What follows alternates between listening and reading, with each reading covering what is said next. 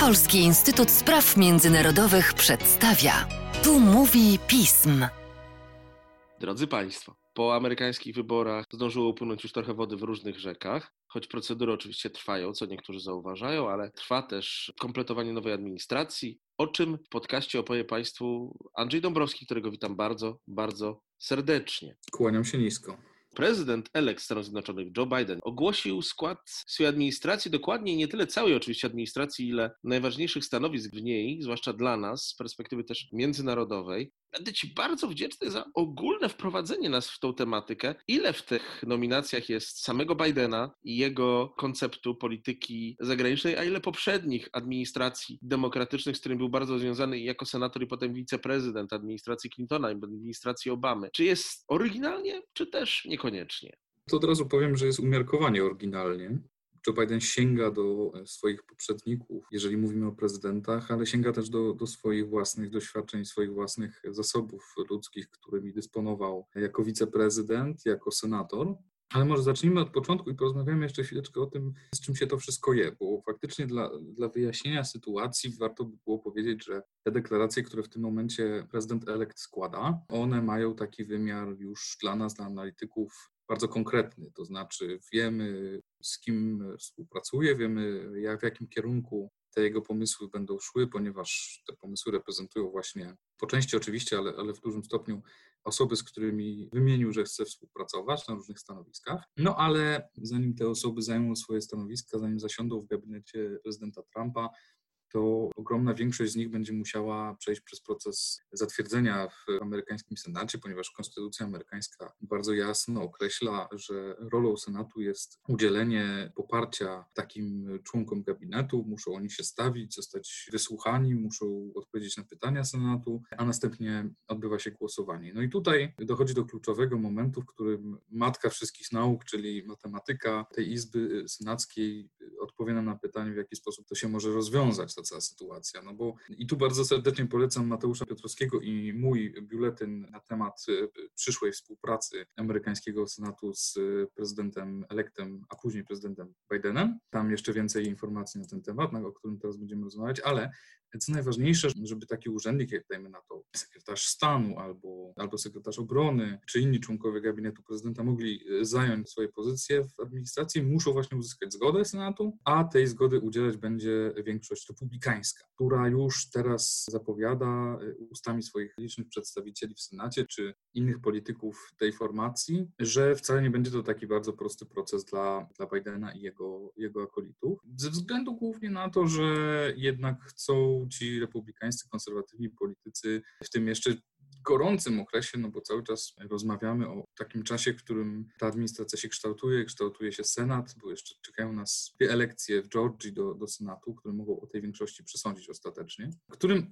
ci politycy muszą jakby narysować swoją strategię współpracy z administracją w takim szerszym kontekście, muszą pokazać swoim też wyborcom, że, że będą dbali o realizację postulatów, z którymi szli do wyborów. Republikanie będą musieli jakoś spróbować odnaleźć się między Scyllą konieczności współpracy z administracją, no bo przecież trzeba państwo reformować, trzeba przeciwdziałać chociażby kryzysowi gospodarczemu, który powstał w wyniku pandemii COVID. A Harybdą no jednak bardzo silnej i wciąż widocznej popularności Donalda Trumpa i tych jego idei, z którymi musieliśmy mierzyć się przez cztery poprzednie lata i które no, stanowiły motyw przewodni dla funkcjonowania całej partii republikańskiej. No niemal całej, bo zawsze są jacyś, którzy się wyłamią. Tym przypadku jest to garstka właściwie senatorów, Lisa Murkowski, Susan Collins, czy, czy kandydat republikański na, na prezydenta z 2012 roku. W każdym razie będą musieli liczyć się z tym demokraci, prezydent Biden, że taka większość w Senacie na pewno nie, nie pozwoli tak łatwo przeprowadzić tego procesu. Oczywiście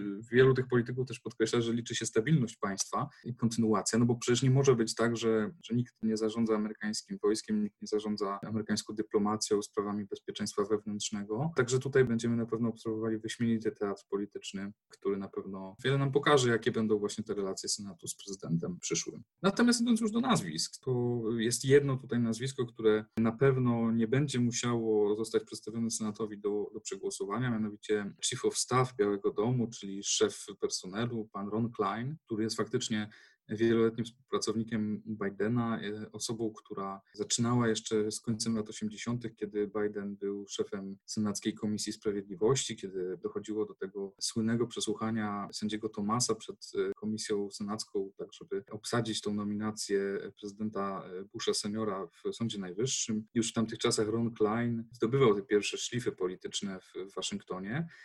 Później był mm, zaangażowany w administracji Clintona, był również lobbystą, działał w prywatnym biznesie, by później stać się szefem personelu w gabinecie wiceprezydenta już Bidena. I tak e, trochę przenikał, przenikała się jego kariera między administracją a, a prywatnym biznesem. Kiedy był potrzebny na miejscu w Białym Domu, to na przykład miał potężne zadanie, z którego wywiązywał się y, dosyć skutecznie z tego, co raporty i media wskazują, mianowicie odpowiadał w, administracji Obamy za wdrażanie tak zwanego Recovery Act, czyli tej ustawy, która miała ratować amerykańską gospodarkę po kryzysie na rynku nieruchomości i załamaniu się giełd i, rynku pracy. Był też w późniejszym okresie specjalnym przedstawicielem, tak zwanym carem administracji Obamy do spraw zwalczania wirusa eboli. W latach 2014-15 zajmował takie stanowisko, więc jego doświadczenie w tej administracji przyszłej Joe Bidena, no na pewno też zostanie wykorzystane do tego, żeby jakoś Stany Zjednoczone mogły się uporać z mm,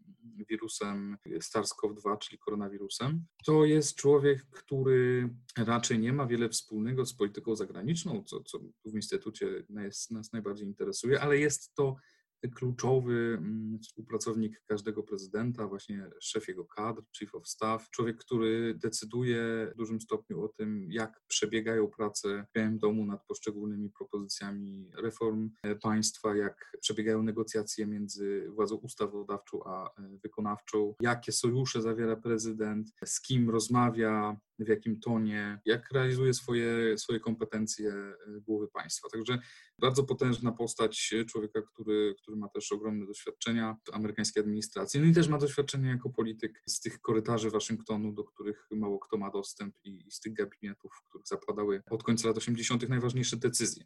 Także to będzie postać, na którą na pewno będziemy zwracać uwagę. No i idąc w kierunku już bliższym nam, czyli nominacja e, prezydenta Bidena dla Antoniego Blinkena, który ma zostać sekretarzem stanu w przyszłym, w przyszłym rządzie Partii Demokratycznej. To jest, to jest postać, która również ma bardzo wiele wspólnego z prezydentem Bidenem. Od wielu lat współpracowali. Blinken był jego doradcą do spraw bezpieczeństwa międzynarodowego, kiedy Biden był wiceprezydentem. Był też zastępcą doradcy do spraw bezpieczeństwa u prezydenta e, Baracka Obamy, czyli tak jakby łączył te dwie części. Tej roli był choćby obecny na pewnym historycznym zdjęciu w roku 2011 razem z Joe Bidenem, Hillary Clinton, z Barackiem Obamą, a jako zastępca sekretarza stanu był potem też w Polsce w roku 2016. Tak, zgadza się, brał udział w posiedzeniu szczytu NATO w 2016 roku w Warszawie.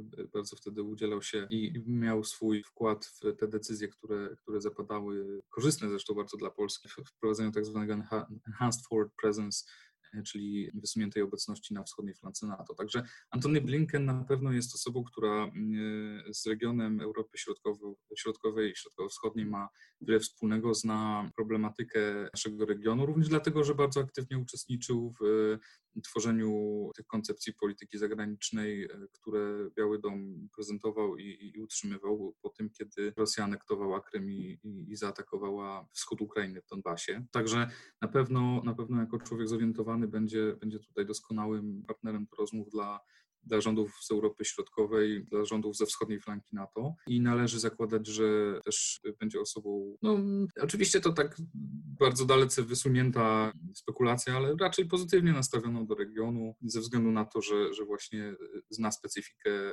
sąsiedztwa z tak potężnym i asertywnym państwem, jakim jest Rosja. Idąc dalej, na pewno warto wymienić też osobę, która jest w establishmencie Partii Demokratycznej od bardzo wielu, wielu lat. Człowieka, który pełnił funkcję już od lat 80. w władzy ustawodawczej, jako senator. Mianowicie chodzi o Johna Kerry'ego. On później był sekretarzem stanu, był jeszcze w międzyczasie w 2004 roku demokratycznym kandydatem na prezydenta. Przegrał te wybory z George'em Bushem, kiedy George Bush Jr. ubiegał się o reelekcję. To nie było proste zadanie wtedy, ponieważ no jednak Bush był na tej fali wznoszącej po takiej bardzo patriotycznej, po, po ataku 11 września. Jeszcze miał kapitał zaufania jakiś po, no wtedy jeszcze zdawałoby się sukcesach, jakie, jakie Stany Zjednoczone mogłyby odnieść w Afganistanie i w Iraku. No Kerry przegrał te wybory niewielką różnicą, ale jednak przegrał. Skupił się dalej na swojej pracy w ramach Senatu. W międzyczasie też był bardzo aktywny jako jeden z tych polityków, którzy posiadając swoje doświadczenie bycia żołnierzem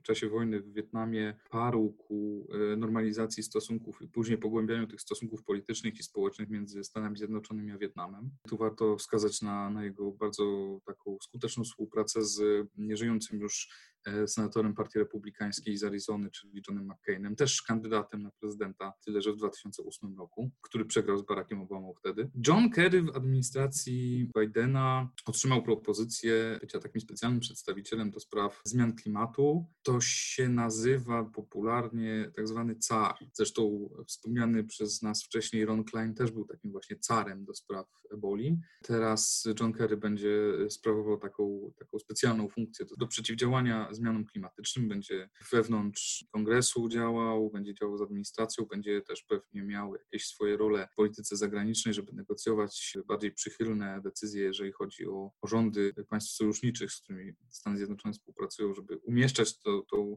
politykę klimatyczną jako, jako część agendy międzynarodowej Stanów Zjednoczonych. No i przy czym od razu pojawiły się wątpliwości co do, co do Kerego, że, że ten jako, no nie tylko sekretarz stanu, ale i wcześniej i później raczej za przykład ekologa nie mógł uchodzić. Tak zwany carbon footprint jest mu zarzucany, który generował on i jego żona, latając gdzie tylko, gdzie tylko chcieli e, prywatnymi odrzutowcami. Więc ten czas między nominacją a zatwierdzeniem to jest czas, w którym wszyscy nawzajem sobie wyciągają różne błędy albo niedociągnięcia. Natomiast nie zmienia to postaci rzeczy, że taki, taki silny gest ze strony, ze strony Bidena, żeby mieć specjalnego wysłannika do spraw polityki klimatycznej, no, nie pozostał niezauważony na świecie i, i, na pewno ten element w polityce zagranicznej Stanów Zjednoczonych, jak, jakim będzie walka z zmianami klimatycznymi, stanie się zauważalny i będzie współistniał razem z polityką bezpieczeństwa, razem z polityką gospodarczą, handlową i, i różnymi politykami, które, które Stany Zjednoczone uprawiają w zależności od, od tego, czy rozmawiamy o obszarze geograficznym, czy, czy o jakimś zagadnieniu tematycznym. Andrzej, ostatnie pytanie. Jake Sullivan, pięknie irlandzkie nazwisko, nowy doradca do spraw bezpieczeństwa narodowego. Co to za Tak jest. To też jest, to też jest wieloletni współpracownik, współpracownik Partii Demokratycznej, też osoba, która była zaangażowana mocno w administrację Obamy. Sullivan oczywiście też jest bardzo doświadczonym urzędnikiem, współpracował z, z Bidenem, kiedy ten był wiceprezydentem, współpracował z, z Barackiem Obamą w jego gabinecie jako zastępca asystenta do spraw bezpieczeństwa narodowego. Brał czynny udział w negocjacjach porozumienia nuklearnego z Iranem, czyli JCPOA. Także to jest człowiek, który, który na pewno brał udział w procesie decyzyjnym na najwyższych szczeblach i w negocjacjach, które, które ta administracja Baracka Obamy uznawała za swoje największe sukcesy w czasie swojego urzędowania. No i właśnie będzie doradcą prezydenta do spraw bezpieczeństwa, czyli takim no właściwie najważniejszym z perspektywy polityki zagranicznej bezpieczeństwa doradcą głowy państwa, który codziennie się z nim widzi, albo wielokrotnie nawet w ciągu dnia briefuje prezydenta, dostarcza mu y, najbardziej czułe informacje zdobywane przez amerykański wywiad i amerykańskie służby i ma ogromny wpływ właśnie na decyzje podejmowane przez administrację w obszarach takich jak podejmowanie kolejnych działań, na przykład ramach y, sojuszów, w których Stany Zjednoczone są, czy unilateralnych decyzji o, o, użyciu, o użyciu jakichś narzędzi polityki zagranicznej albo albo siły y, tam, gdzie Stany Zjednoczone właśnie widzą swój, swój y, istotny interes, aby, aby zastosować takowe. Także, także ten, ten zespół Sullivan, Klein, Blinken na pewno będzie działał w takim układzie koegzystencji. No i myślę, że bardzo szybko wezmą się do pracy, jeżeli te, te, tak będą potwierdzani przez Senat, jak przyszłość pokaże, ponieważ panowie się znają i, i współpracują ze sobą od wielu lat i, i mają względnie zbieżne interesy. A jak to będzie wyglądało, zobaczymy oczywiście, bo i styczeń nadejdzie, i nominacji, i zatwierdzenie w Senacie, i ty to będziesz obserwował. Zgadza się, będziemy obserwowali to bardzo uważnie. Andrzeju, dziękuję Ci bardzo za nasz podcast i do usłyszenia. Do usłyszenia.